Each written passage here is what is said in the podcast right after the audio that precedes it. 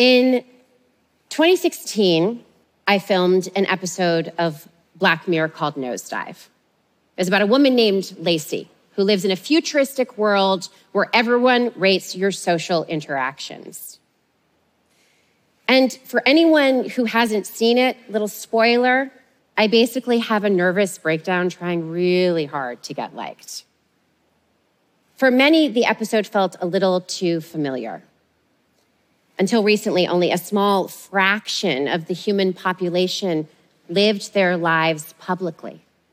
And well, we haven't entered the Black Mirror world yet.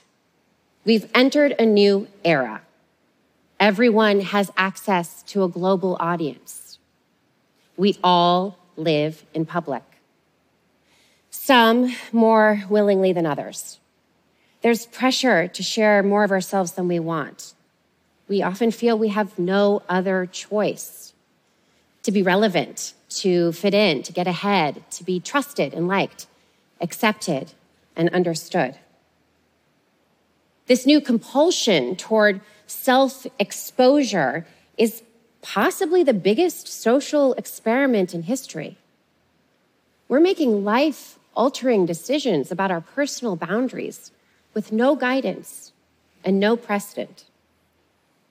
Fortunately, there is a blueprint. Anyone who's lived in the public eye as an athlete, a politician, or an entertainer has navigated a version of this.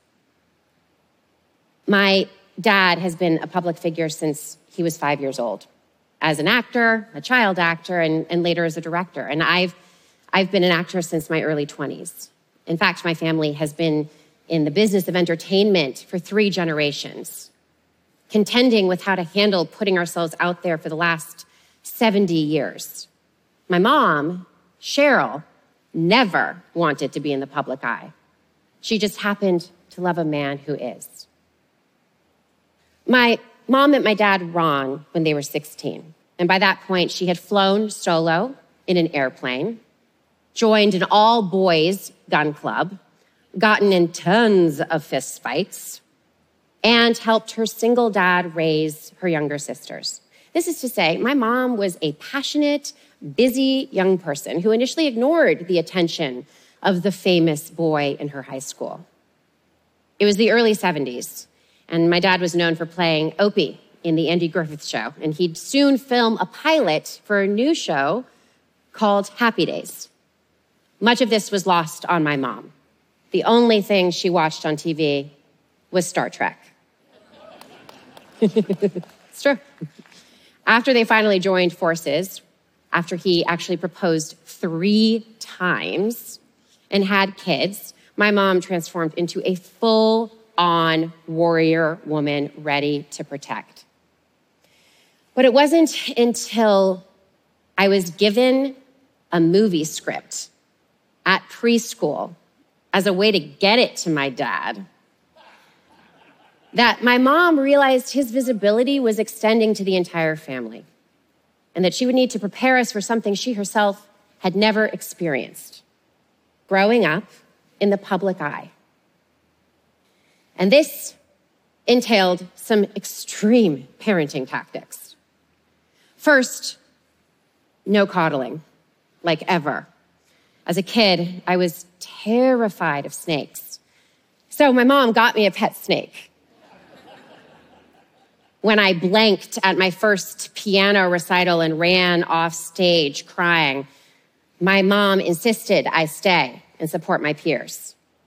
Years later, when my son grimaced at a chipmunk carcass our cat had left in the driveway, Cheryl made him clean up the remains. My mom wanted to toughen us up so we'd have more courage and less fear when dealing with uncomfortable situations. So that meant zero coddling. Put your comfort away, she'd preach. Any challenge that arose was an opportunity to find your sea legs. Next up, confidence comes from character, not our looks. Cheryl was a giant buzzkill. When she noticed me glancing in the mirror as a kid, she decided to nip that in the bud immediately by covering up all the mirrors in the house. a loving compliment was, You have wonderful character, not you are beautiful. Oh, and character was built by doing chores. When I wasn't mucking out the goat barn, I was shearing sheep, changing tires, scrubbing toilets, volunteering, shoveling snow. Cheryl believed that hard work, particularly in service of others, breeds confidence, a trait we need more and more of when exposing ourselves to any kind of public attention. But perhaps the most important lesson was a private life makes a public life worth living.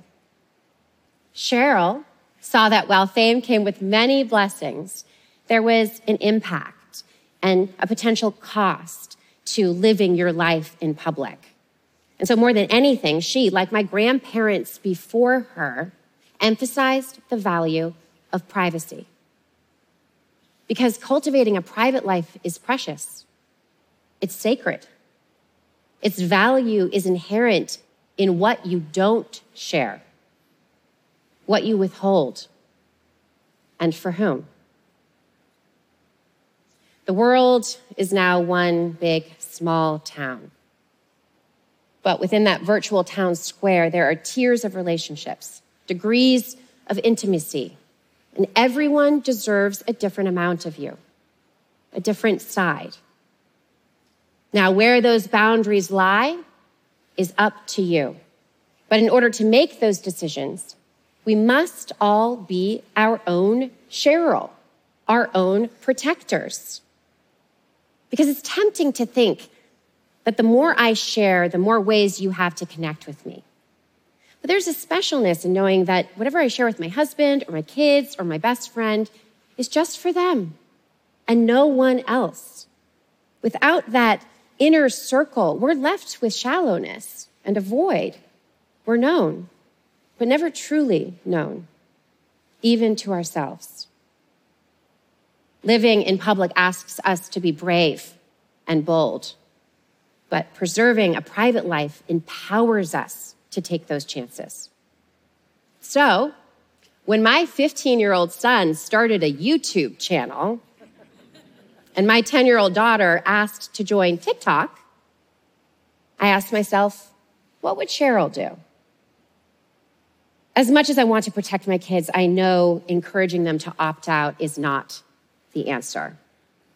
So I don't want my kids in the digital fray until they know who they are. But you develop your sense of self by participating in the world. So I try to help them discover themselves through these technologies, not despite them. And I give myself that same protection and motherly advice by honoring two main principles. The two day delay. So, whatever I'm experiencing, I, I try to wait 48 hours before posting and sharing.